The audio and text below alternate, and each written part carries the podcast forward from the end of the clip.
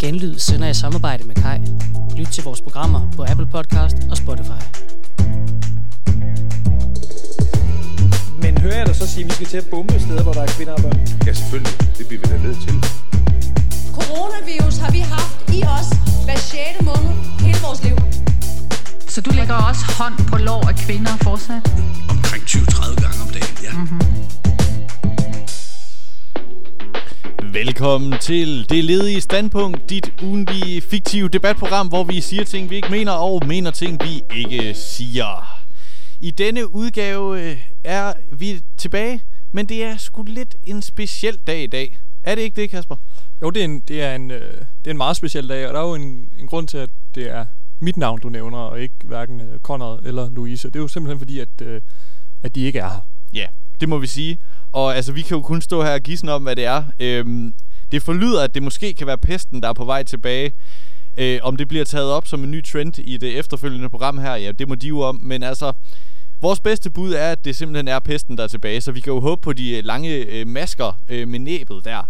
Det var, de var jo ret fede, faktisk. De var nemlig rigtig fede. Ja. Øh, det synes jeg jo lidt er et ledigt standpunkt, man godt kunne gå ind og, og forsvare på en eller anden måde. De her, hvorfor, hvorfor havde vi ikke nogen, nogen masker med lange næb i hele den her coronapandemi? Ja, det var, kl- altså, det var klart en mangelvare. Ja, det, det var det, det helt sikkert. Ja. Men øh, Mads, det betyder jo også, at det er lidt svært at lave et debatprogram med to mennesker.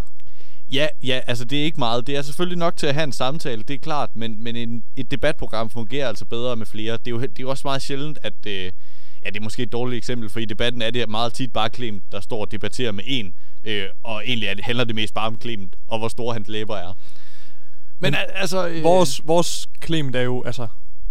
Ja, jeg ved sgu ikke engang, hvem vores Clement er, men der er i hvert fald ikke nogen, der kan lege Clement i dag. Altså, vi, Nej. det vil være underligt at stå og, og ligesom øh, råbe i munden på hinanden uden en eller anden form for ordstyre eller, eller moderator. Så derfor er det jo et lidt anderledes program, vi laver i dag. Ja, det er det helt sikkert. Det er det. Øh, og, og i dag skal vi simpelthen i gang med noget, som jeg jo ved, vi begge to er, er helt tosset med, og som I forhåbentlig også er helt tosset med derude. Altså, i bedste Mads Defensen-stil, så håber vi jo, at I quizzer med derhjemme. Fordi vi skal nemlig quizze i dag. Vi skal nemlig quizze. Jeg, jeg har taget en quiz med, og jeg ved, du også har taget en quiz med. Men derudover, så skal vi jo også forbi øh, det faste indslag, Søren Pind-prisen. Altså, der er jo ikke noget, det leder i standpunkt, uden Søren Pind-prisen. Og jeg kan ligesom sige, at, at den quiz, jeg har taget med, det er faktisk lidt en hyldest til nogle af de personer, der ligesom har været med, været med til at, at skabe det her program. Altså, øhm, jeg, har, jeg har kaldt quizzen Hvem sagde hvad? Quizzen. Og det er, øh, jeg kommer med nogle, nogle udtalelser, eller det kan være både, øh, både mundtlige udtalelser, men det kan også have været nedfældet på skrift.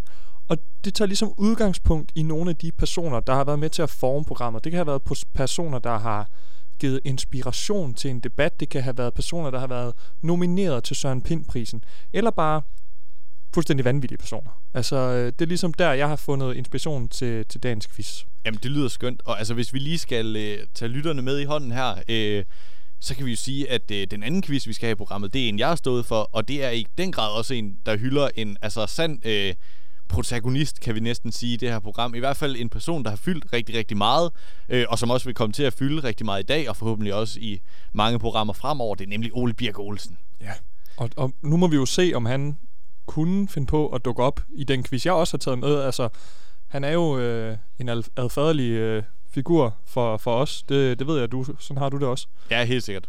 Helt øhm, sikkert. Men øh, skal vi ikke bare kaste os ud i det? Jo, det synes jeg. Jeg er altså, klar. Jeg er det, klar. Det er jo her, jeg vil ønske, vi havde en eller anden form for, for jingle. Men sådan er det jo, når man øh, skal, skal køre nytænkning i et øh, ellers øh, rimelig fastlagt program. Så har man sgu ikke lige en lækker jingle. Men, jeg tænker, øh, du kan måske give mig et hiphop-horn.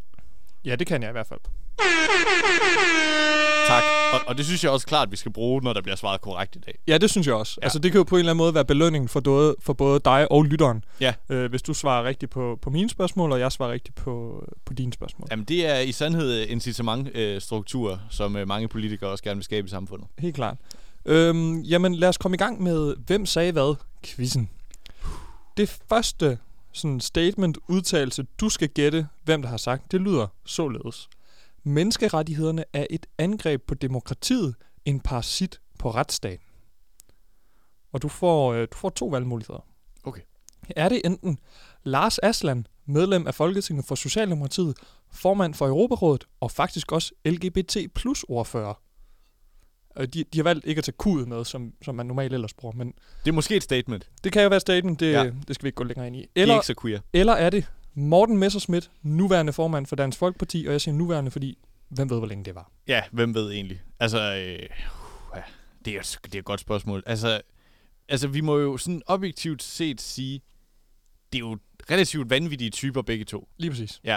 Øh, og faktisk er jeg jo næsten ude i herfra, at Lars Aslan er klart den mest vanvittige af de to.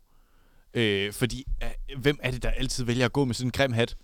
Ja, den er lidt fjollet, ikke? Ja, også fordi det er som om, der er lidt af en anden øh, person i det politiske Danmark, der lidt har taget patent på den hat. Også selvom Lars Aslan muligvis havde den på først. Men det er utroligt, man vælger at fortsætte med at gå med den.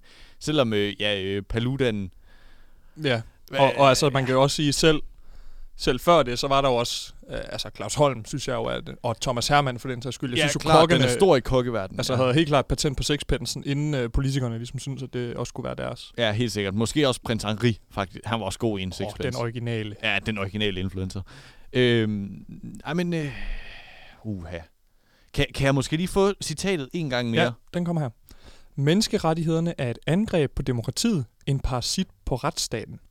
Øh, skal, jeg, skal jeg måske komme lidt nærmere ind på, hvad det er for en øh, kontekst, den her, det her statement er kommet i? Jamen, det tror jeg vil være godt for både mig og øh, lytteren. Alright. Jamen, det, har, det er skrevet i et debatindlæg i politikken. Okay. Politikken. Det er jo faktisk ikke en avis, som jeg vil umiddelbart vil tænke, at hverken øh, Lars Aslan eller Messersmitten var store i. Øhm, men jeg tror faktisk lidt, jeg er ude i, at øh, altså, det er den originale øh, bakker øh, bakkensanger, øh, Dot, Dots øh, mand, Morten Messerschmidt, der har... Ja da! Det er jo en lyd, der indikerer, at du har helt ret. Det er altså Morten Messerschmidt, der i et debatindlæg i politikken ikke skal bede om, at nogen for eksempel definerer familieliv for ham. Han skriver, at menneskerettighederne indeholder runde formuleringer, som at enhver har ret til familieliv og ytringsfrihed. Og det kan jo lyde meget godt, men Messeren, han vil altså ikke have nogen til at definere øh, familieliv for ham. Altså nogle her runde formuleringer, som man selv siger. Øh, Mads, jeg har et bonusspørgsmål uh, i ja. forbindelse med, med det spørgsmål her. Hvor mange gange skriver Messeren 10 i sit debatindlæg? Altså THI, den gamle kasusform af pronomet den, med Uh. betydningen af den grund og derfor. Hvor mange gange tror du, han skriver det i løbet af det her debatindlæg? 10 kendes for ret. Det er et godt spørgsmål. Det, jeg tror, det er meget... Altså, me- messeren er jo stor på, på en, lidt, en lidt ældre måde at formulere sig på. Man kan sige, nu har han jo også en kone, der er på den gode side af 80. Så, så det er jo også naturligt nok. Det er jo sådan, han snakker derhjemme. Øhm, men altså, jeg tænker faktisk, at, at messeren han er oppe på at gøre det øh, 10 gange. 10 gange. Ah, der, der er du desværre lidt for højt op. Det er, det kun, det er desværre kun tre gange. Men, men jeg synes alligevel, det var nok gange til, at vi ligesom kunne, kunne udforme en eller anden form for, for bonusspørgsmål. Ja, det, det er klart. Det er stadigvæk øh, meget mere, end øh, så mange andre politikere En- bruger det. i. Eller, eller mennesker generelt. ja, generelt. Ja. Godt. Jamen, det klarede du meget godt på det første spørgsmål. ja, tak, tak, tak. Øh, lad os prøve at bevæge os videre til øh, det næste stykke tekst, jeg vil prøve at læse højt for dig. Det er lidt længere, øh, så vi skal lige øh, spidse ører og holde tungen lige i munden. Ja, tak.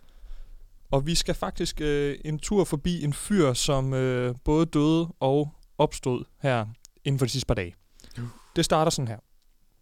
Jesus sagde, at det er nemmere for en kamel at komme igennem et nåleøje, end for en rig mand at komme i paradis. Danmark er den rige mand. Vi vil gerne bevare vores rigdom, og her tænker jeg ikke kun på penge, men også på kultur. Og det kan eddermame godt være svært i det konkrete tilfælde, hvor en velfungerende, en velfungerende udlænding skal udsendes. Hvem har sagt det her? Er det A. Rosa Lund, integrationsordfører fra Enhedslisten? Eller er det B. Søren Pind, bedre kendt som cyber, cybersheriffen, frihedsministeren og inspiration til en pris i det her program?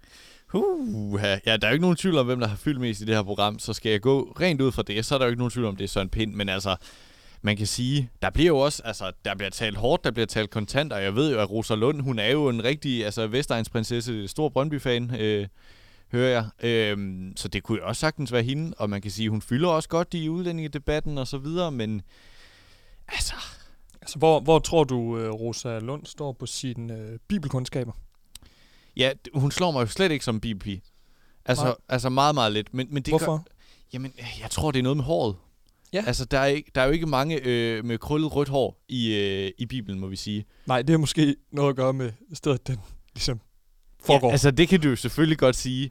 Øh, men, Det er jo men, meget noget Mellemøsten, vi er ude i der. Ja, det, det er rigtig Mellemøsten. Altså, det er fuld... Øh, Egentlig meget sjovt, hvordan, hvordan de folk, der sådan appellerer meget til, til sådan Bibelen, bare hader folk fra Mellemøsten. Ja, der er et Altså- meget, meget sjovt paradoks Nå, der. men det er en rigtigt. helt anden snak. Ja, ja, klart. Øhm, der er også noget med mange DF'er, der har nogle lidt øh, eksotiske koner. Men, men altså, det er også en helt anden snak. Ja. Øh, ja, ja, men jeg må simpelthen altså, holde mig rent til, at det, det selvfølgelig er øh, Monsieur øh, Søren Pind, der har sagt det. Den får du selvfølgelig også i hiphop på. Den er måske øh, lidt let, kan jeg godt se nu, hvor det ligesom er en hyldest til de personer, der former programmet. Der har, har Søren Pind været en øh, meget større bidragsyder, end øh, Rosa Lund har. Ja, det er klart. vel faktisk næsten første gang, vi taler om Rosalund. Ja, det tror jeg faktisk, det er. Men så fik Øhm, hun også opmærksomhed. Det er også fint. Det er rigtigt. Den her udtalelse, den er bragt i en artikel fra Berlingske, hvor at øh, man ligesom har fokus på Søren Pinds tid som udlændingeminister. Og Mads, jeg har jo endnu et bonusspørgsmål til dig. Det er jo nemlig sådan, at Søren Pind, han har været med til at starte det, han kalder den danske Ukraine-komité, der mm. har Mm. til formål at samle, samle penge ind til det ukrainske forsvar, så de kan forsvare sig mod den her russiske invasion, der foregår lige nu. Hvor mange penge har den her komité samlet ind på nuværende tidspunkt? Er det lidt over 30 millioner kroner, lidt over 40 millioner kroner, eller lidt over 50 millioner kroner? Det er et godt spørgsmål. Det er det godt nok. Altså, nu så jeg jo her for nylig, at uh, Ursula von der Leyen og, og resten af, af komiteen dernede, de havde jo samlet, hvad var det, var det lige knap 300 milliarder ind, eller sådan et eller andet øh, fantasilion øh, beløb. Øh, så man kan sige, uanset hvad den rigtige svarmulighed er Så her, forslår som skrædder ihjel. Ja, det må vi jo bare sige. Men altså, man kan sige, så har Søren Pind haft noget at lave. Ja, ja, i- godt i- til- i godt et til cybersheriffen, jo. Ja, ja, klart, klart. Altså, udover at være cybersheriff, så skal man også have en lille sidegeschæft, og det har jo så været en mobile pay indsamling. Ja. Ja. Åh, så du siger 30, 40 eller 50 millioner? Ja. Ja. Jeg er jo ude i at prøve at regne ud, hvor mange penge Søren Pind selv har skudt i det her. Åh, Øh, det er jo, en, det er jo en, altså en stor del af ligningen, tænker jeg. Ja, klart. klart. Øh, og også ude i, om han måske kan have fået hjælp fra, lad os sige, for eksempel Olbjerg Olsen, som jo er vildt rig. Øh, og han har jo smidt 30 millioner selv formentlig. Så jeg tænker ikke, vi er på 30 millioner, fordi det må være mere. Øh. Ej, men er der ikke noget i, at man altid skal gå efter sådan en, en god middelværdi? Øh, og det tænker jeg også at gøre her, så jeg siger 40 millioner kroner. Hold kæft, du er dygtig til at quizze i dag. Det var da helt vildt. Ja, men jeg er jo også altså, øh, dobbelt gymnasiemester i Besserviser, det må jeg jo bare det, sige. Det, øh, det kommer altså frem i dag, det må jeg sige. Ja, stort flex. Jeg har en lille bonusinfo omkring den artikel her. I artiklen der skrives der nemlig følgende. Frihed er det bedste våben, men i den aktuelle konflikt er krudt og kugler den eneste måde, friheden kan forsvares. Og det her er altså ikke et citat fra frihedsministeren Søren Pind, men man kunne jo måske godt spørge, hvor meget han ligesom har sk- skulle, øh, altså hvor meget indflydelse han har haft på udformningen af den her artikel med. Ja, det, det virker til, at han næsten har været inde og røre lidt ved pinden. Ja, det lyder det altså som om. Det, ja. altså, men, øh, men det kan vi jo øh, igen tage en helt anden snak om. Ja, ja, helt klart, helt klart. Øh, nu er jeg lidt bange for her i det sidste spørgsmål, jeg har i, i Hvem sagde hvad-quizzen, at du måske allerede har set svaret på forhånd, Mm. øh, hvis du har floreret på Twitter inden for de sidste par dage. Ja, men øh, jeg skal prøve øh, at se. Godt. Spørgsmålet lyder således. Hvem har skrevet følgende på Twitter? Så her er der altså et, et tweet, som jeg nu vil læse højt for dig.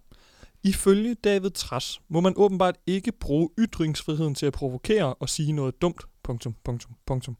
Gad vide, om det betyder, at han fremadrettet vil censurere sig selv. Hvem har sagt det? Er det Ole Birk Olsen, medlem af Folketinget for Liberal Alliance og stor inspirationskilde til programmet her? Eller er det Lars Bøje Mathisen, medlem af Folketinget for Nye Borgerlige, men mest kendt for at skide i bukserne i tid og utid? Uh, det er også to gode altså, valgmuligheder.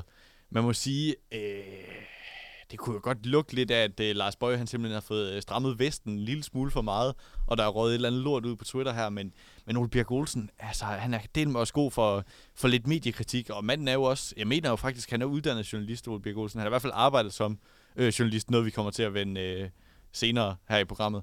Øh, og David Tras øh, kritik. Jeg troede faktisk mest, det var Mads Brygger, øh, der var ude i at kritisere David Tras. Øh, Og, men, nå nej, undskyld. Ja, der, der kommer jeg til at, at blande David Træs sammen med, med Pelle Dragsted, som jo har haft uh, intense uh, diskussioner med netop uh, frihedsministeren Søren Pind på Twitter Ja. uh, de sidste par ja, uger. de er ikke altid gode kammerater. Nej. Øh, Men det er en helt anden snak. Ja, ja, det er det helt klart. Øh, nej, men jeg må jo nok øh, sige, at...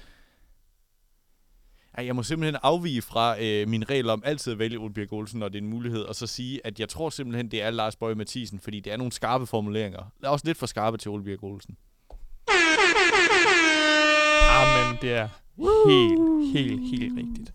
Det er jo sådan, at både Lars og David, de har været ihærdige på Twitter, og jeg tror, det her, det her tweet ligesom er kommet øh, oven på de uroligheder, der har været i, i Sverige, hvor, hvor David Træs har været ude og lave noget, noget, noget ligesom øh, kritik af Rasmus Paludan bla bla bla. Der har været noget debat i dag også på P1. Det kan man jo høre, når man har hørt det her program. Ja. Øh, der er også et lille bonusspørgsmål her, Mads. Øh, ja. Afslutter Lars Bøje sit tweet med et spørgsmålstegn eller med et punktum? Han siger, altså det sidste han skriver er, gad vide, om det betyder, at han fremadrettet vil censurere sig selv. Afslutter han det med et spørgsmålstegn eller med et punktum?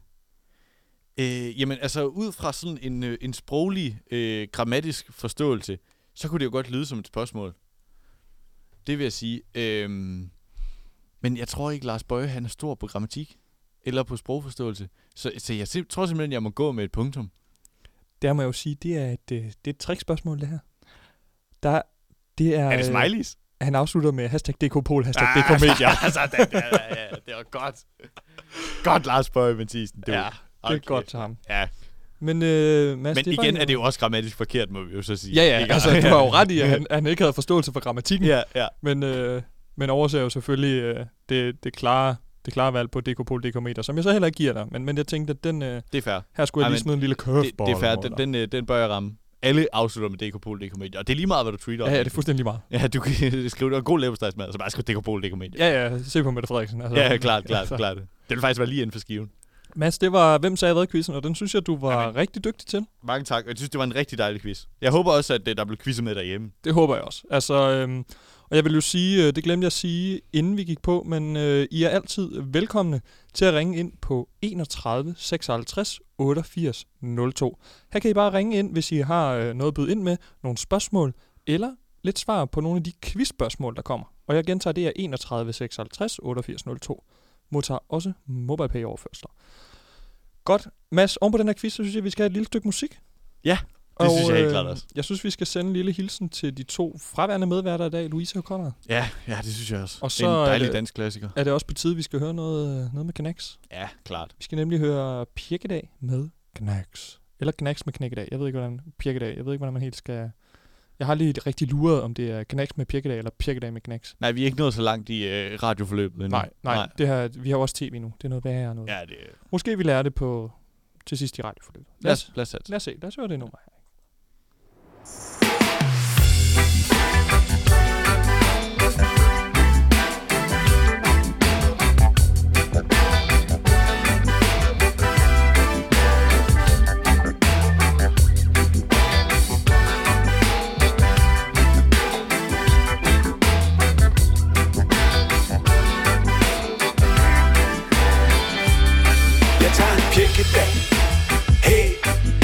Så en endda Men på den anden side har nogen taget skade. Er en pause ind imellem, ikke så vidt jeg ved. Jeg tager en pirkedag Hey, det er ikke så let endda. Men på den anden side har nogen taget skade. Er en pause ind imellem, ikke så vidt jeg ved. Toget dag. To måger på et tag diskuterer om togen kommer indefra. Hver eneste barn på min gade. Damper som varm chokolade. Det er en tåget morgen Og byens tårn Er pakket ind i vand, For det var frost hver i nat. Isen maler søens overflade mat Som dine øjne Min skat. Din mund er en sladder. Begge mundvig Hænger ned som i dobbelt bundbid Hvad er du ked af?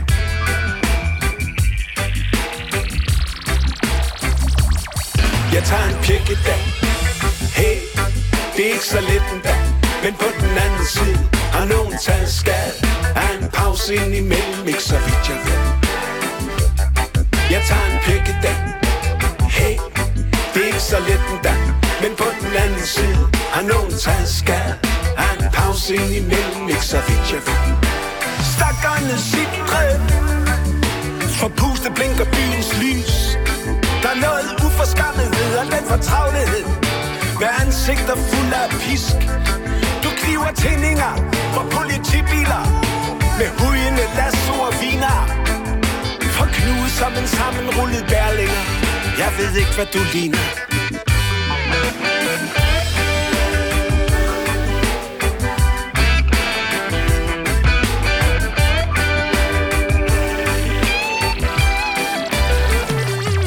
Jeg tager en pjek i dag det er ikke så let en dag Men på den anden side har nogen taget skade. Er en pause ind imellem, ikke så vidt jeg ved. Jeg tager en pik i dag. Hey, det er ikke så let en dag Men på den anden side har nogen taget skade. Er en pause ind imellem, ikke så vidt jeg ved. Pik i dag.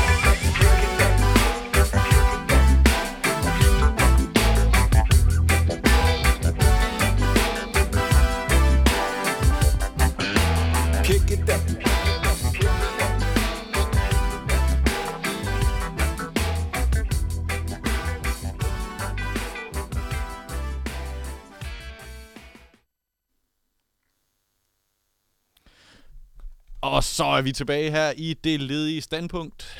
Efter en, øh, en skøn, skøn quiz, der handler om, hvem der sagde hvad. Jamen, så skal vi faktisk nu til endnu en quiz. Altså, hvad, hvad er verden uden quizzer? Altså, Ja, ja, fuldstændig. fuldstændig. Altså, quiz er det middel, der for, altså, smører hele verden. Altså, det er simpelthen... det er olien som- til verdens tandhjul. Fuldstændig. Det er som god gang VD40. Ja. Helt klart. Nå, men altså, jeg synes egentlig ikke, der er nogen grund til at danse mere rundt om øh, den varme grød, så at sige. Jeg synes egentlig bare, at vi skal hoppe ud i det. Og det er jo øh, nu, øh, jeg overtager øh, rollen som quizmaster. En, øh, skal vi sige, øh, knap så flot øh, Hans Pilgaard. En øh, lidt lavere Christian Dein. Der er mange gode øh, bud på, hvad man kunne kalde sig selv som øh, quizvært, men øh, jeg tror egentlig bare, at jeg vil øh, have fokus på den, det hele skal handle om, nemlig Ole Birk Olsen. For det her, det er den store Ole Birk Olsen-quiz. Og Kasper, er du klar? Altså, jeg vil jo ønske, at jeg kunne svare ja på det spørgsmål, fordi at jeg ved jo, at du har et enormt kendskab til Ole Birk Olsen. Øhm, og jeg ved, at, at Louise jo nok vil være bedre til at svare på de spørgsmål, du kommer med øh, i dag, i, i form af hendes store beundring af manden og hans øh, fuldskæg og overskæg. Mm. Øhm, men altså, jeg tænker, han er jo så elskværdig, elskværdig ham, ham Ole Birk Olsen, at, øhm, at det jo ligesom må komme til mig rent intuitivt, de her svar på de spørgsmål, du kommer med. Ja, helt klart, helt klart. Det tror jeg også. Øhm, og jeg vil lige øh, skynde mig at sige, inden vi starter quizzen her, øh, sådan rent øh, journalistisk, så skal man jo huske at kreditere, hvis man bruger øh, andres journalistiske produkter. Og jeg ved ikke, om Kender du typen er et journalistisk produkt, men det er i hvert fald øh, meget baseret på øh, et skønt afsnit der Kender du typen øh, med Ole Birk Olsen. Som du jo har refereret til flere gange, og som jeg jo ved, at dig og din kæreste ser øh, hver aften, inden I skal sove. Ja, og det er ikke, at vi ser Kender typen, vi ser det afsnit, ja, det afsnit. med Ole Birk ja, ja, Olsen. Ja, ja, sammen med jeres øh, søn, John. Ja, ja, præcis, som kan staves på mange forskellige måder, og er 15 år, hvilket ja. er påfaldende i forhold til, at jeg kun lige er fyldt 23. Men, men nok om det, nok om det. Øhm, første spørgsmål, og det er simpelthen bare et øh, ja-nej. Er det sandt, er det falsk? Spørgsmålet er, er det sandt, at Ole Birk Olsen er gammel gymnast, og derfor er rigtig god til at stå på hovedet? Altså, jeg har jo helt vildt meget lyst til at svare ja. Øhm, fordi når jeg kigger på den her mand, så har jeg jo også lyst til, at han skal være adræt og atletisk, og, og ligesom kunne komme ud i nogle positioner med sin krop, som ikke er nemme at nå. Øhm, det har jeg utrolig meget lyst til, når jeg ser på ham. Det gør han jo også politisk, øh, må vi Det sige. gør han jo. Ja. Der når han jo helt ud, hvor ingen andre når. Mm. Men på den anden side, så, så synes jeg også, at det her, det her fuldskæg, det ligesom inddrager mig til at tænke, at han er en, en stor mand, en stærk mand, men, men også utrolig øh, kluntet og ikke særlig adræt på en eller anden måde. Øhm, men jeg tror simpelthen, jeg går med min første indskydelse og siger, ja, det er sandt. Og det er rigtigt, det må vi Ej, bare sige. Giv dig vi- selv hipperporten. Ej, det er skønt. Det er fuldstændig rigtigt. Øh, Ole Bjerg Olsen er gammel gymnast, øh, og derfor rigtig god til at stå på hovedet. Og øh, han gør det faktisk også i øh, afslutningen af Kender du typen øh, afsnittet. Altså et skønt syn. I starten af programmet ser man Mads Steffensen stå på hovedet. Det er knap så skønt. Øh, han er lidt tyk. Øh, så det, det ser meget sjovt ud. Øh, men Ole Birk Olsen super adræt og står på hovedet. Rigtig, rigtig flot. Øh, og jeg kan jo lige sige til lytteren, der gerne vil se øh, det her afsnit, og til dig muligvis også, øh, så er der jo det med Kender du typen, at det hedder ikke øh, Kender du typen med Ole Birk Olsen, fordi Det Ja. var et meget kort program. så. Ja, det kan man sige. Det er bare det her Ole Birk Olsen. Hej. Øh, programmet hedder øh, Kender du typen med Butler og øh, Bacon. Okay, der er jo ligesom en alliteration der på en eller anden måde. Jeg Øh, forestiller ja, mig også, at, at Ole Birk Olsen er stor fan af bacon. Måske ja. endnu mere end Jakob Ellemann Jensen er.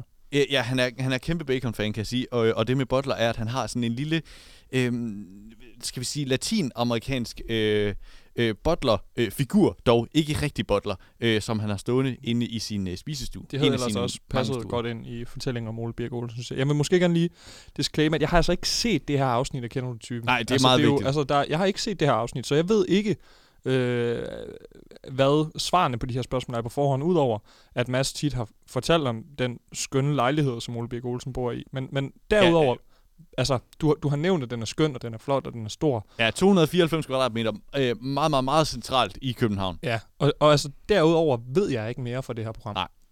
Men det skal vi jo så nu teste, øh, fordi næste spørgsmål er, hvilket bilmærke kører Ole Birk Olsen og Frode? Er der nogle, øh, nogle valgmuligheder, eller er det bare top of my mind? Du kan godt få øh, nogle valgmuligheder, hvis du gerne vil have det. Jamen, jeg, måske jeg lige skal prøve ligesom at... Ja, prøv lige, at- prøv lige at se, om du kan sådan Ja. skyde dig ind på det. I hvert fald, hvilken retning, så kan jeg måske sige, om du er, om tampen brænder lidt. Ja, fordi at, at det første, jeg tænker, når du siger sådan her, det, det er jo vores kære Roar Buk, jeg kommer til at tænke på, som jo har den her Mm. elektriske... øh, Hvad er det nu, han har? Han har en Jaguar, og han har En- også en- været med i... En øh, du elektrisk? Jaguar. Og jeg tror ikke, det er der, Ole Bik Olsen er. Jeg tror ikke, Ole Bik Olsen kører elbil. Så jeg, jeg vil gerne udelukke Tesla først og fremmest. Øhm, han er jo en... Han er ikke en, en Audi-mand, det tror jeg ikke. Det, altså, øh, jeg kunne godt forestille mig sådan lidt Mercedes måske, men det er måske også lidt mere konservativt på en eller anden måde at køre Mercedes. Ja, meget, meget tysk konservativ. Ja, ikke? Jo. Øhm, men ja, men, men ja, øhm, Mercedes eller, eller BMW er mine umiddelbare tanker. Altså, jeg kan, jeg kan måske hjælpe dig lidt at sige her, du er ikke helt øh, på rette vej. Jeg er ikke helt på rette vej, okay? Nej, ikke helt. Vi, Nå. vi er ikke så meget i Tyskland. Vi er ikke i sige. Tyskland. Nej. Så det er heller ikke Opel. Ej, heller. Øhm, så, må, så tror jeg måske, vi er ude i noget amerikansk. Øhm, er det en... Er det en Ford Mustang eller sådan et eller andet? det er sindssygt ud. Ole Birk Olsen har en kæmpe Mustang-energi, men han kører faktisk ikke øh, Ford Mustang. Han kører i derimod øh, den første valgmulighed, som du valgte at skyde helt ned, nemlig Tesla. Nej! Jo, øh, og, og der er lidt en historie til, hvorfor Ole Birk Olsen han kører en Tesla. Øh, han begrunder det selv med, at øh, det er en fed bil. Det kan vi så diskutere, om det egentlig er. Øh, og så kan han godt lide, at når han kører ind i byen, så udleder han ikke partikler på alle øh, Og det, det, er jo, det er jo bare noget, han siger. Ja, det er bare noget, han siger. fuldstændig ligeglad med. kæft, Den kan køre hurtigt, og det er ja, det, han ja, gerne vil præcis. Ole Birk Olsen er kæmpe hurtig. Jeg er altså rigtig glad for bare at trykke Okay, jamen der bliver jeg jo fanget på den helt forkerte fod, kan jeg godt mærke. Men jeg kan jo så sige som lidt uh, bonusinfo, det er, at uh, Ole Birk Olsen har altid været uh, super glad for en Land Rover. Og det var jo lidt mere den vej, Ja. uh, du var på vej hen. Ja, det var det jo. Øh, Sådan en rigtig benzinsluger der. ja, ja, klart. Men, men jeg tror, Ole Birk Olsen er simpelthen blevet uh, ramt lidt af... Han er vild med slugerne jo. Ja, Ellers. ja, det er han meget, meget, men nok om hans privatliv. Ja. Øhm, selvom den her quiz meget handler om hans privatliv, kan man sige. Nå, nej. Nu skal det også... Øh, vi Han skal- er mere om hans privatliv. Ja, det, det skal det faktisk. Øh, det skal faktisk handle om, hvad er Ole Birk Olsens yndlingscitat? Og der kan man sige, det vil være lidt unfair, hvis jeg ikke gætter svarmuligheder her, for der er, Klart. der er rigtig mange citater. Øhm, Altså noget, han selv har sagt, eller? nej, nej, det er dog ikke Ole Birk Olsens okay. eget yndlingscitat fra sig selv. Det ville ellers være fedt. Øh, det har han ikke øh, sagt, hvad er, selvom han helt sikkert også har et. Nej, øh, du får tre øh, svarmuligheder her. Øh, det første er, i 2001 stemte jeg på Anders Fogh, men jeg ved bedre nu. Og hvor kommer det fra? Det er jo uh, Nick og Jay. Det er det nemlig fra nummeret kommer igen. Øh, så den næste svarmulighed, det er, meninger er som et røvhul, alle har et. Øh, og det er fra filmen Dirty Harry. Så er der en tredje mulighed, som er, hvis din egen lykke er baseret på, hvad samfundet mener om dig, vil du altid blive skuffet.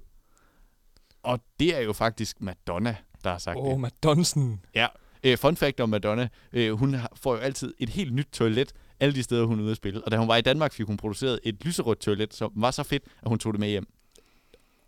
Og på den note, så øhm, altså, først, der, der grinede jeg lidt af det her øh, Nick og Jay citat, men jeg, men jeg tror ikke helt, at jeg vil, jeg vil udelukke det lige til at starte med, fordi at, at Ole Birk Olsen ville jo nok heller ikke stemme på Anders Fogh den dag i dag, vel? Nej, det ville være lidt spøjst, Ja, kan man sige. Ja, det er lidt fjollet, når han selv stiller op, jo. Ja, også fordi Anders Fogh stiller overhovedet ikke op. Nej, nej. Men det var fedt bare at gå ind og skrive Anders Fogh, selvom man Altså, altså, selv er på stemmesedlen. Mohammed Salah blev nummer to ved Ægyptens præsidentvalg Ja, altså for det et par jo år ikke... siden, uden at stille op. øhm, kan jeg ikke lige få, altså, øh, jeg skal lige høre, de her valgmuligheder, har- du bare planket dem, for kender du typen, eller er det nogen, du selv har fundet på? Nej, øh, det har jeg dog ikke. Øh, Jeg har planket det rigtige svar fra Okay. okay. Kender du typen, men så har jeg selv tilføjet øh, to mindre rigtige. Okay, og jeg ved jo, du er en hund for Nick og Jay også, så det kan jo godt være, at det er den, du selv har tilføjet. Ja, det er muligt. Ja, kan Altså man kan sige, at jeg har tilføjet en mere selv også. ja, Han har ikke to yndlings. nej, nej. Øh, kan jeg ikke få valgmulighed nummer to at høre igen? Det var øh, meninger er som et røvhul, alle har et, fra filmen Dirty Harry. Jamen, det synes jeg faktisk også er et godt bud, og hvis det er dig, der har fundet på det, så synes jeg også, det er godt fundet frem af dig på en eller anden måde. Tak. Øhm, og det, den tiltro ved jeg bare ikke, om jeg kan give dig, simpelthen. Altså, Nej, okay. Spændende. Så jeg kan fornemme, er det den, du måske øh, vælger, at gå med? Eller er det Madonna-citatet måske? jeg vil gerne gå med Nick og Jay-citatet. Du kan jo ikke teste det. Jeg kan jo rigtig godt lide, at du svarer det, øh, Nick og Jay citat. Men det er desværre forkert. Nej. Det er det simpelthen. Det er, det er selvfølgelig fra uh, Dirty Harry. Nej. Det er som et røvhul. Alle Ej, har et. den Lidt, være- løst oversat. Den skulle jeg være gået med, så jo. Ja, jeg kan jo sige, i afsnittet af Kender du typen, der er den anden øh, valgmulighed. Uh, life is like a box of chocolate, you never Åh, know what you're gonna get. Ja, også fordi Ole Birk Olsen kunne aldrig finde på at sige det. Nej. Men, men, øhm, men jeg, altså, jeg, jeg blev lidt forelsket i det her Nick Jay-citat, og, og der glemmer jeg jo at, at fokusere på, på Ole Birk Olsen, øh, og ikke på, på mig selv. Ja, eller på går. mig. Ja, eller på dig. ja, klart, klart. Det er muligvis mit yndlingscitat. Ja. Nej, det ved jeg ikke. Jo, det tror jeg. Ja, måske, måske, måske. Det var pisse ærgerligt jo. Ja, det var det. Det var det. Og jeg tænker, øh, inden vi øh, tager et øh, stykke musik her, øh, så skal vi lige have et sidste spørgsmål, fordi der er selvfølgelig ni spørgsmål i den her Ole Birk Olsen quiz, og så kan man sige, hvorfor er der ikke 10? Det er fordi Ole Birk Olsen, han, vælger, han går altså ikke den helt standard vej. Han ligger sig ikke under, de, under, for de Nej, normer der han gider, ikke, han gider ikke de der normer. Så vi har ni spørgsmål. Men øh, spørgsmål 4 her, og det er igen faktisk bare et ja-nej-spørgsmål. Øh, det går på, hvorvidt Ole Birk Olsen har tweetet det følgende. En hver mand bør, hvis han kan, lade et fuldskæg gro på dennes ansigt, da det er det sande tegn på, at man er en voksen, der bærer visdom og ansvar i sit skæg og på sine skuldre. Og det er simpelthen bare, ja nej, har Ole Birk Olsen tweetet dette. Det tror jeg umiddelbart ikke, han har, fordi han er jo så liberal af sind, at han kan da ikke altså, nedlægge eller pålægge andre en, den byrde, det er at gro et fuldskæg. Fordi Men det, man kan sige, at han siger også bare bør, hvis han kan. Okay, hvis han kan, ja. Ja, men igen, hvis man kan, så skal man jo også have ret til ikke at gøre det. Øh, ud fra et sådan liberalt synspunkt om, at, at man ligesom skal, ligesom skal have frihed og sådan noget. Øh, men på den anden side, så, så kan man jo sige, hvis han ville jo ikke selv gøre det, hvis han, hvis han ikke mente, det var det rigtige at gøre på en eller anden måde, og, og vil jo ligesom på en eller anden måde også gerne ligesom udbrede den her, det her smukke fuldskæg, han jo selv bærer. Mm. Utrolig flot skæg. Ja. Sig. Men jeg tror simpelthen på baggrund af hans øh, politiske ståsted som liberal, må jeg sige nej, det har han ikke tweetet. Det er fuldstændig rigtigt. Sådan. Ja, kæmpe, kæmpe, kæmpe. Der er altså knyttet næve herude lige nu. Ja, det er der. Og øh, nu synes jeg faktisk, at øh, vi skal ile direkte videre til et skønt øh, musiknummer. Og øh, jeg kunne godt øh, tænke mig, at vi tog et lille nummer øh, baseret på øh, Ole Bjerg Olsen og det her med, hvilke biler han kører i. Øh, fordi der er ikke nogen tvivl om, at selvom Ole Bjerg Olsen pt. kører i en Tesla, og han måske drømmer lidt om en øh, Land Rover, så er der en bil, han drømmer meget mere om end alle de andre. Og kan du fortælle... Nej, nej, det tror jeg faktisk ikke engang, du behøver. Ja, her kommer der et dejligt nummer med Ace Hood, Future og Rick Ross. Det hedder Bugatti. Yeah, baby!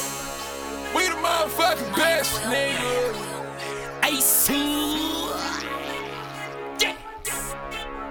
Super. Future.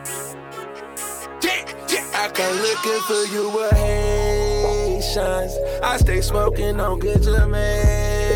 I fuck bitches from different races. You get money, they started hating. I woke up in a new Bugatti. I woke up in a new Bugatti. I woke up in a new Bugatti. I woke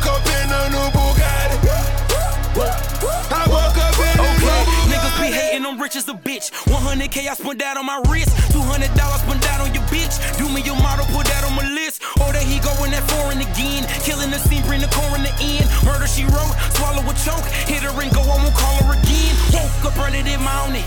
Crib as big as a college. Smoke me a pound of the loudest. Some shit with no mileage. Diamonds cost me a fortune. Them horses all in them Porsches. You pussies can't handle afford it. 4200 my mortgage. Ballin' on niggas like Corbett. Fuck all you haters, you bore me. Only the real get a piece of the plate. Reppin' my city and running my state. Keep me a pistol, they run with the case. Niggas won't beef, then I visit your place. Bang. I come looking for you with Haitians. I stay smoking on good Jamaican. I fuck bitches from different races. You get money, they started hating. I woke up in a new Bugatti. I woke up in a new Bugatti. I woke up in a new Bugatti. I woke up in a new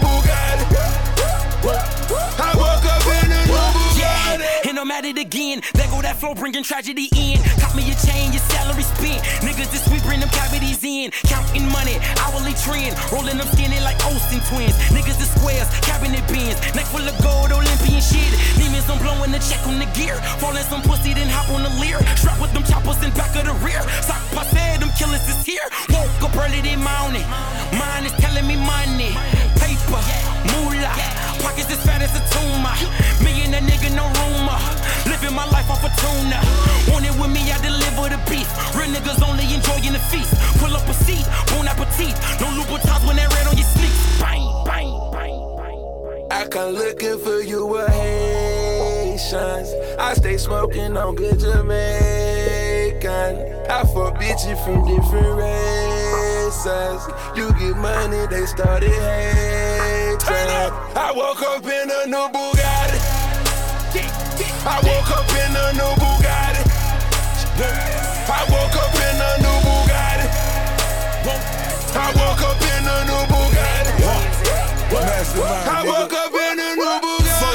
Of dope boys. It's all they taking fingerprints on a Rolls Royce. It's why they hating. Push a button on his broke boys. As detonation walk the road to riches bare feet. Me. I watch mama struggle, now she living carefree. That's why I hustle for that half a key, that's 12 G's. I'm trying to bubble every summer a new LP. You gotta Signing bone and hit that man that's from 30 feet. Left in the puddle, fingerprints is on a honey meal. And what it is, Ricky Rose and Ace Hood. We hella trill. Yeah. I come looking for you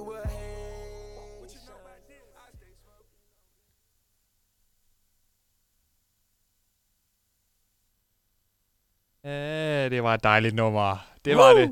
Og øh, desværre er vi nødt til at fade ud lidt før her, fordi vi skal simpelthen videre med den dejlige quiz, du har gang i, Mads. Ja, det skal vi nemlig. Altså, jeg, jeg sad herude i teknik, og jeg kunne ikke vente længere. Derfor valgte jeg at slukke nummeret lidt før. Jamen, det kan jeg godt forstå. Det kan jeg godt forstå. Øh, og vi skal simpelthen direkte videre med øh, spørgsmål 5, som jeg også håber, I øh, quizzer med på øh, derhjemme. Altså, øh, og vi kan jo sige, at øh, der er jo faktisk en stor præmie øh, til den med flest korrekte svar. Og Kasper, vil du ikke lige introducere lytteren til, hvad præmien er?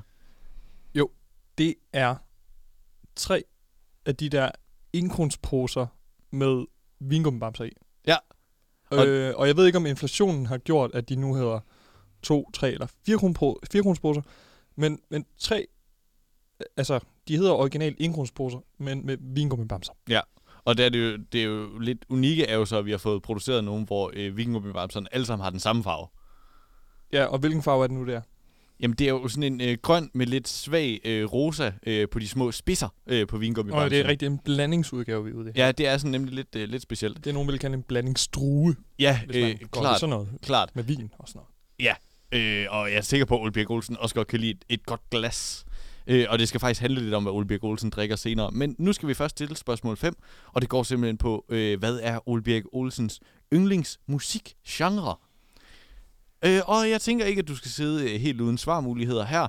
Øh, så dine svarmuligheder er som følger. Er det jazz? Er det country? Er det rock? Altså, inden du nævner svarmuligheder, der sidder jeg jo og tænker, det må være jazz. Øhm, Og hvorfor gør du det? Jamen, fordi at han er sådan, du ved, den her rige type. Han er utrolig rig, Ole Bæk Olsen forestiller mig. vildt, vildt rig. Ja. Øh, rige typer hører ikke country. Det gør de simpelthen ikke.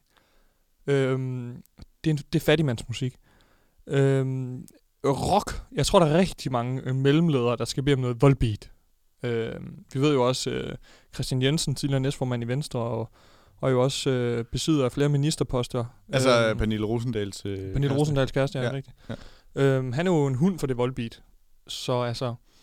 Jeg tror jo også, sådan en dansk rigmand som Anders Holk Poulsen, han er altså heller ikke... Øh, Oh, jeg tror, han har været i boksen med en gang. Og ja, det tror noget- jeg altså, han er ikke rock. bleg for et godt øh, rocknummer. Måske Nej. også noget D.A.D. eller noget. Det tror jeg, han er rigtig varm på. Ja. Han er ellers ikke så meget hår. Nej, det er rigtigt nok. Og D.A.D. har rigtig meget hår. Han, er, han gider ikke klippe det hår. Nej, altså, he won't cut it. Det, no, no.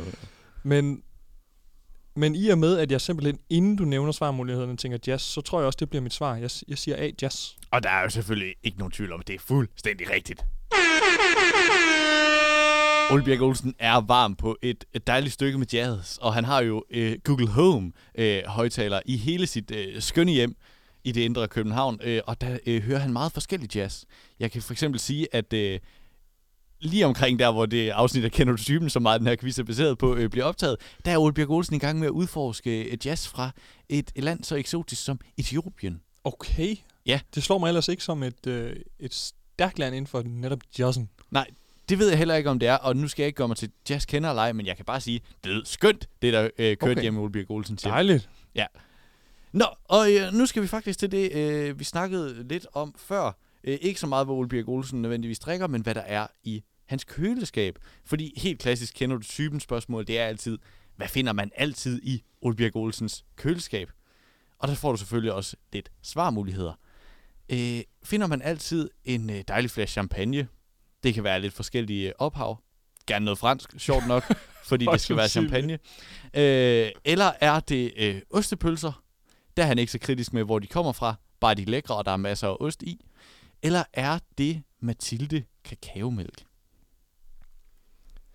Altså, jeg, jeg havde jo... Igen er jeg jo ude i, at, at inden du svarer, tænker jeg, at der må være noget, noget alkoholisk af en eller anden art. Og jeg, og jeg var jo bange for, at du ville sige Chablis, øh, Amarone eller et eller andet andet. Øhm, Der kan jeg jo så lige øh, supplere med, at Ole Birk Olsen ved siden af sit kæmpe store køleskab også har et vin, øh, en vinkøler. okay. Ja. Okay. Men det der med champagne, det skal tit være lidt koldere, Ja. derfor opbevarer man det almindelige køleskab. Ja, ja.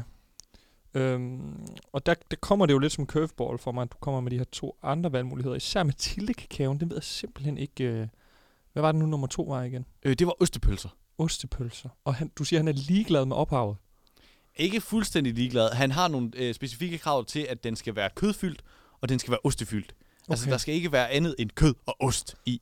Okay, og det Gerne leder, naturtarm. det leder, okay, det leder mig jo lidt over mod, at det måske godt kunne være det, han skulle bede om. Fordi at, at jeg forestiller mig ikke, at han går ned på kvaliteten af sine ostepølser. Nej, nej, nej. Og jeg tror også, at han har spist mere end, end en, en, en enkelt øh, i, sit, i sit liv. Champagne, jo, den er jo utrolig... Øh, den har jo en utrolig liberal alliance-vibe, men jeg tror mere, det er sådan en liberal ungdom-vibe. Ja, det er jo næsten en kliché. Ja, det er det jo. Og tror, hvis der er noget, Ole Bitte Olsen ikke gider være, så er det sgu en kliché.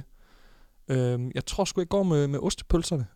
Det er også et godt bud, men det er desværre forkert. Nej, Det er simpelthen Mathilde kakaomælk. nej, nej, nej, den udelukker jeg jo alt for tidligt. Ja, så. det gør du. Det gør du. Ole Birk Olsen er rigtig stor på Mathilde kakaomælk. Det er altid i hans køleskab, og han har faktisk også et ekstra supplerende skab med Mathilde kakaomælk. Jeg kan sige at igen, lige omkring det tidspunkt, hvor kender du typen er derhjemme, øh, øh, fordi jeg har ikke været der så meget. Jeg har mest været der gennem Lige- det lige kamera. der. Ja, ja, faktisk lige der. Øhm, der har øh, Ole Birk Olsen omkring 30 liter øh, Mathilde 30 liter? Hvad skal han med alt det kakaomælk? Ja, men mit bud er, at han skal drikke det. Det kan også være, at han bader i det. Han har også utrolig flot hud. Måske. Køb, tror du, han køber det sådan, når det er på tilbud, så bulker han bare det kakao? Nej, jeg tror, der tror jeg, Ole Birk Olsen, han gør det modsatte. Køber når det er dyrt. Ja, han køber, han køber stort ind, når det er dyrest, for at vise, at han kan. Men hvorfor er det, han ikke bare altså, køber to eller et eller andet, og så kan han gå ned og ligesom købe noget mere, når han, Jamen, han, bor jo, han bor jo højt op. Jeg tror, han bor på 3. eller 4. eller 5. sal eller sådan noget. Så Ole Birk Olsen gider slet ikke gå så langt. Jeg synes, det er vagt, Ole Birk Olsen. Der må du skulle steppe op. Ja, det jeg vil sige, Anne Glade var også meget forundret. Ja. Øh, Hvad, hvad svarede hun? jeg tror også, hun svarede noget i stil med champagne, mener jeg. Okay. Øh, Nå. og, Ja, ja. og, og hun øh, stillede sig noget spørgende over for det her med en, øh, mælkebaseret drik, der ikke skal være på køl. Og det Mathilde skal jo ikke være på køl. Det er rigtigt.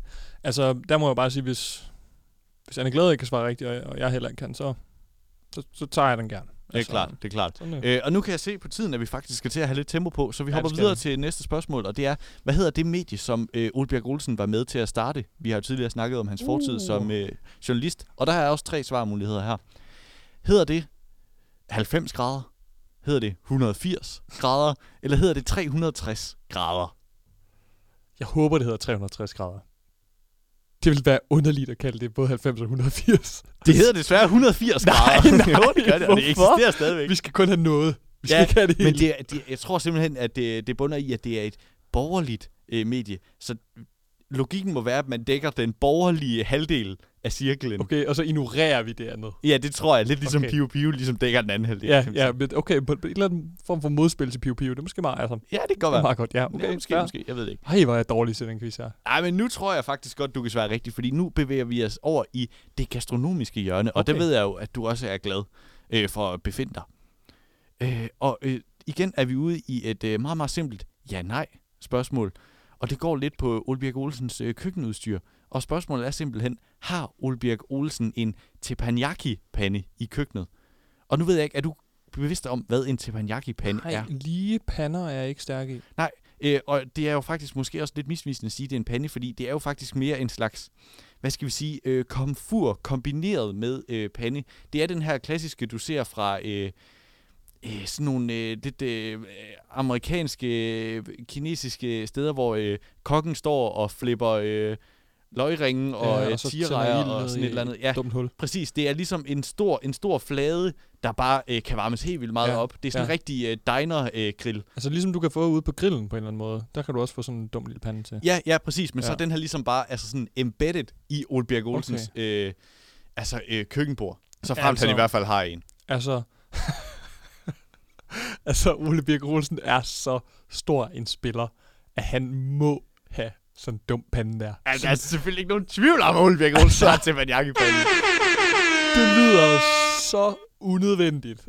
Ja, ja, ja. Men, men han er så stor en spiller, at det skal han selvfølgelig have. Men du kan sige, det er unødvendigt, men jeg tager jo mig selv i, øh, da jeg sidder og ser afsnittet, og, og, og sådan, altså instinktivt spørger min kæreste om, kan vi godt få sådan en ud i køkkenet? Øh, hvor så, til hun så oplyser, at vi bor i en lejerlejlighed, og vi har et komfur, der er cirka 100 år gammelt, vi må ikke skifte det ud. Øh, så det blev nej. Men altså, øh, Ole Bjerg Olsen har selvfølgelig en teppanyaki pande. Okay, Øh, altså, og han har også så den der smarte emhætte, der ligesom sidder nede, Og nede i, i. og så Åh. suger den ud. Men vi er, virker de overhovedet særlig godt? Den virker sindssygt godt. Okay, okay, Du okay. kan se, at, øh, fordi... Du kan ligesom se dampen. Ja, Mads Steffensen og Flemming Møldrup, ja. Ja. øh, mens de er i gang med at have deres bromance, øh, steger selvfølgelig lige øh, noget bacon, fordi de er, Åh, det er klart, fordi de er rigtige mænd. De er rigtige mænd, skal have noget bacon. Nu skal fandme have bacon. Der kan man simpelthen se det her bacon, øh, fedt og, øh, og os, stregeos, det suser lige over i den her lækre, okay, lækre okay. Jeg har jo altid stillet mig skeptisk over for de her M-hætter Jamen, på de siden er super kontoret. Smarte. De Ja, er super okay. smarte. Flemming Møldrup siger faktisk også i programmet, at havde han 15 år, så var han aldrig kommet op med så genial en idé. Wow. Og jeg ved ikke, om det siger mere om den M-hætte, eller om Flemming Møldrups øh, energi, eller idéudviklingsproces. Nå, øh, vi skal til at have afsluttet Ole Birk Olsen quizzen, og det skal vi simpelthen med det sidste spørgsmål. Det 9. spørgsmål. Selvfølgelig er der ikke 10, det er Ole Birk Olsen, vi snakker om. Da. Har Ole Birk Olsen tweetet dette? Jeg har aldrig set en film med den skuespiller, som kalder sig The Rock. Når jeg ser ham i den visuelle markedsføring af filmen, så tænker jeg, det må være til en film til nogen andre end mig. Fejltænkning, spørgsmålstegn, diskuter. Altså, det vil jeg sige, ja, det har han tweetet. Der, det, altså, altså, det, det er fuldstændig rigtigt. Ej.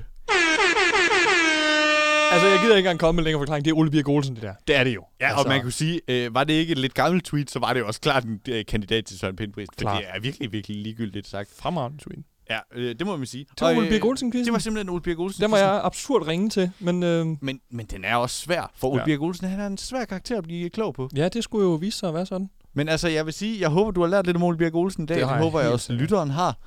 Og ellers så vil jeg jo, altså, uden overhovedet at overveje det, simpelthen anbefale jer, gå ind og se afsnittet. Ja. Øh, kender du typen med Butler og Bacon? Butler og Bacon. Ja, skønt, skønt afsnit. Lad det være en anbefaling herfra. Utrolig flot, det er farvesammensætning, han kører sig i lejligheden også. Men jeg kunne snakke længere om Ja, Ole Birk ja, Olsens det ved jeg. lejlighed. Men øh, skal vi ikke have et lille nummer dedikeret til Ole Birk Olsen? Og det synes jeg helt klart, helt klart, vi skal. Vi skal jo høre et nummer fra filmen Sommer i Tirol. Vi skal jo høre Ove Sprogø med Man kan vel ikke gøre for, at man har charme. For det her Ole Vel Olsen, ikke gøre for, at man har charme. Og rent magnetisk drage frøkner og så fruer Der bliver for min skyld udstødt suk i mange barme Og der bliver drømt om mig i mangt et jomfrubur. Jeg ligefrem vader rundt i hvide kvindearme. Så jeg må sådan gå og passe på mig selv skulle man have vrøvl, fordi man har en smule charme? Man kan vel ikke gøre for det, kan man vel? Hvorhen jeg kommer rejsende, der altid glæde bliver. Jeg kan så godt lide piger. Jeg ved godt folk, de siger, at jeg har piger i hver en by. Det er løgn i større stil. Jeg mangler forløb i en i Kiel. Man kan vel ikke gøre for, at man har charme Og rent magnetisk drager frøkner og så fru. Langt ned ad gaden, ud af alle vindueskarmer Ja, der jeg drømte om mig på kviste og i stuer Jeg ligefrem vader rundt i skønne kvinders arme. Så jeg må sådan gå og passe på mig selv. Men hvad jeg end har gjort, så blev det gjort med charme jeg kan jo ikke gøre for det. Kan jeg vel? Søren Pinds hår. Søren Pind. Søren Pind. Søren Pind. Søren Pind. Søren Pind. Denne uges Søren Pind. pris går til... Det er nemlig lige nøjagtigt, hvad vi skal til at finde ud af nu. Vi skal nemlig til det faste segment her i programmet Det ledige standpunkt. Vi skal til ugens Søren Pind-pris. Og Kasper, vil du ikke lige prøve at forklare lytteren øh, bare lige en gang til, for vi har gjort det så mange gange før. Hvad er det nu, øh, Søren Pind-prisen gives for? Jo, skulle det være første gang, man lytter til det ledige standpunkt, så gives Søren Pind-prisen jo til det standpunkt, der er det mest ligegyldige. Altså det mest ligegyldige standpunkt, der er blevet taget i ugen, der er gået. Mm, lige præcis. Og, øh, og den hedder jo Søren Pind-prisen, fordi Søren Pind øh, er, simpelthen kongen af at komme med de her fuldstændig ligegyldige standpunkter. Lige i øjeblikket har han meget noget med den her MobilePay-indsamling og de 40.000 kroner og så videre, øh, eller 40 millioner kroner i hvert fald, måske nærmere. Øh, men, men Søren Pind har tidligere kommet med rigtig, rigtig mange ligegyldige standpunkter. Øh, så derfor skal vi selvfølgelig øh, have en pris dedikeret til ham, altså ugens Søren Pind-pris. Og Kasper, hvad har du taget med som øh, nomineret til øh, ugens Søren Pind-pris i denne uge?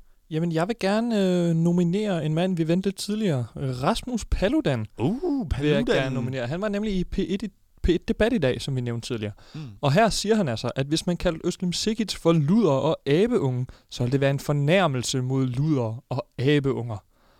Og der vil ja. jeg bare sige, hvorfor er det, vi stadigvæk lytter til den her mand? Skulle vi ikke have lavet hans standpunkt at dø i en garage et sted i Tilst eller et eller andet? Jo, det lyder som meget, meget god, idé, synes jeg, altså klart. Han laver en masse lort, og han stiller op i, i Sverige eller, et eller andet med et eller andet åndssvagt parti. Eller, altså, hvad er det Ja. overhovedet, han er gang i? Skulle vi nu ikke bare lade ham stå og råbe i en, i en spand eller i en, i en kloak et eller andet sted, så det kun er rotter, der kunne høre ham. Han er fuldstændig ligegyldig, og hans, hans holdninger er formet af et invalidt sind. Man har slået hovedet og ændret radikal adfærd.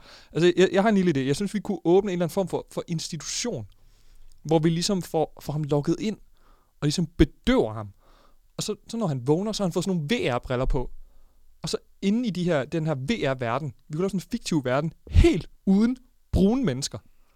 Ja. Altså, så han, altså, han er jo så langt fra virkeligheden, at, at han alligevel ikke vil opdage noget. Ja, ja, Altså, han vil bare sådan, gud, jeg, jeg, jeg er død og kommet i himlen, eller sådan, det, endelig skete det. Han vil være så glad, så glad, så glad, og vi vil endelig slippe for ham.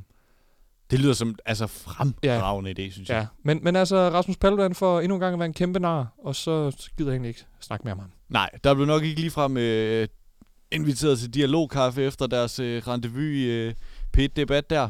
Øh, men jeg har også taget en øh, nomineret med til øh, ugens Søren Pind-pris. Og det er simpelthen, altså det er en stor, stor kanon, vi er Uh, ude i du her. bonger ud på ja, jeg er kanonfaktoren, ja. simpelthen ude i kanonfaktoren. Øh, og det er med kvindeligt fortegn. Det er nemlig den altså gode gamle øh, store leder, har jeg næsten lyst til at sige. Det er Pia Kærsgaard. Pia Kjærsgaard. Jeg tror, vi er ude i noget, noget enhedslisten, der du sagde stort leder. Ja, det kunne man jo også godt tænke, at det var. Øh, men, men Pia Kærsgaard, altså... Øh, SOSUM-assistenten, der steg helt op under skyerne og blev altså Elitær. næster i øh, DF. Ja. Og, og nu på en måde stadigvæk er sådan en slags skyggeformand. Altså det, det virker som om, det er stadigvæk piger, der, der kalder det hele. Altså, hun har jo haft hånden op i røven på formanden siden 2011. Eller Ja, ja, ja, var. fuldstændig, fuldstændig. Han blev formand ham. Ja, Tulle. klart. Øh, 2015, tror jeg. Men 2015. det, det er så også lige meget. Ja. Øh, nej, Pia Kærsgaard, hun er nomineret øh, til ugens Søren Pind-pris for simpelthen at skrive på Twitter, at hvis hun var franskmand, så ville hun da helt klart stemme på Marine Le Pen. Og der må jeg simpelthen sige, Pia Kærsgaard, Det er du ikke. Det, for det første, det er fucking ligegyldigt, for det er du ikke.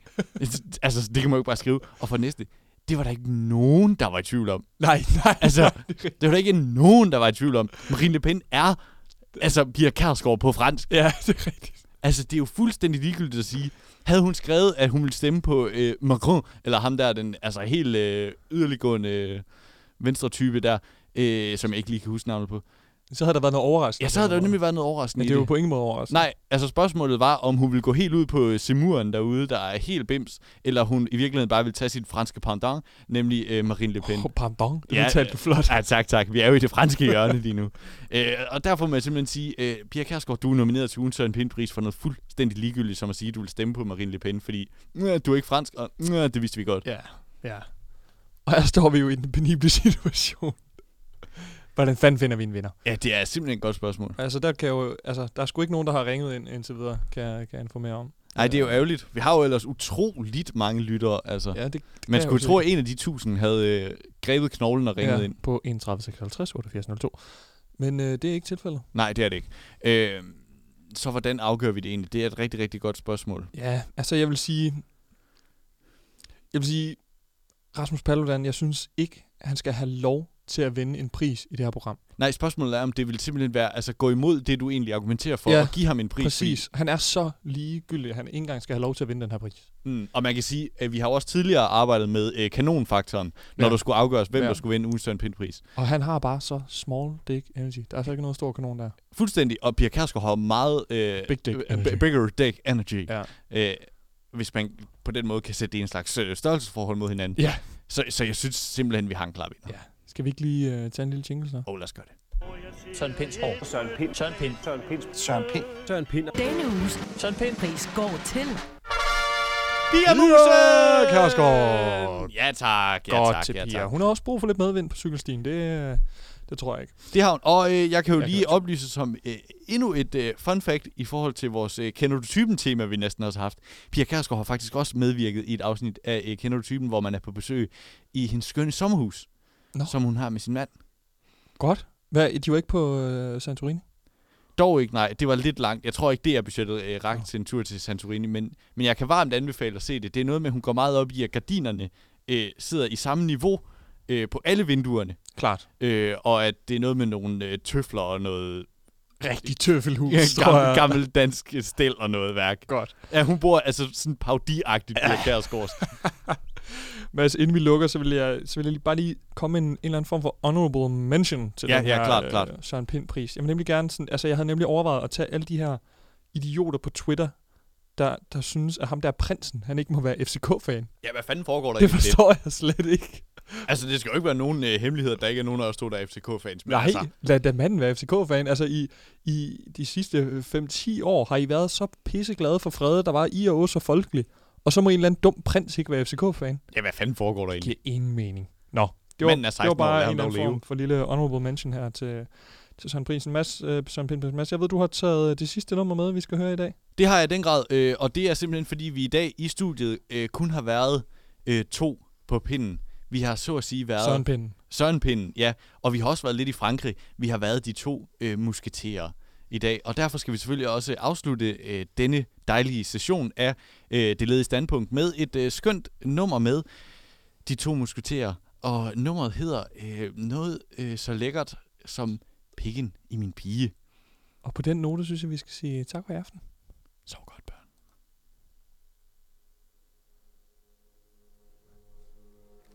Lidt uhyggeligt.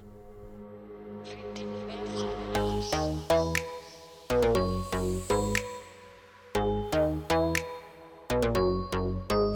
to musketerer. Vi er tilbage. Nyt track. Uh.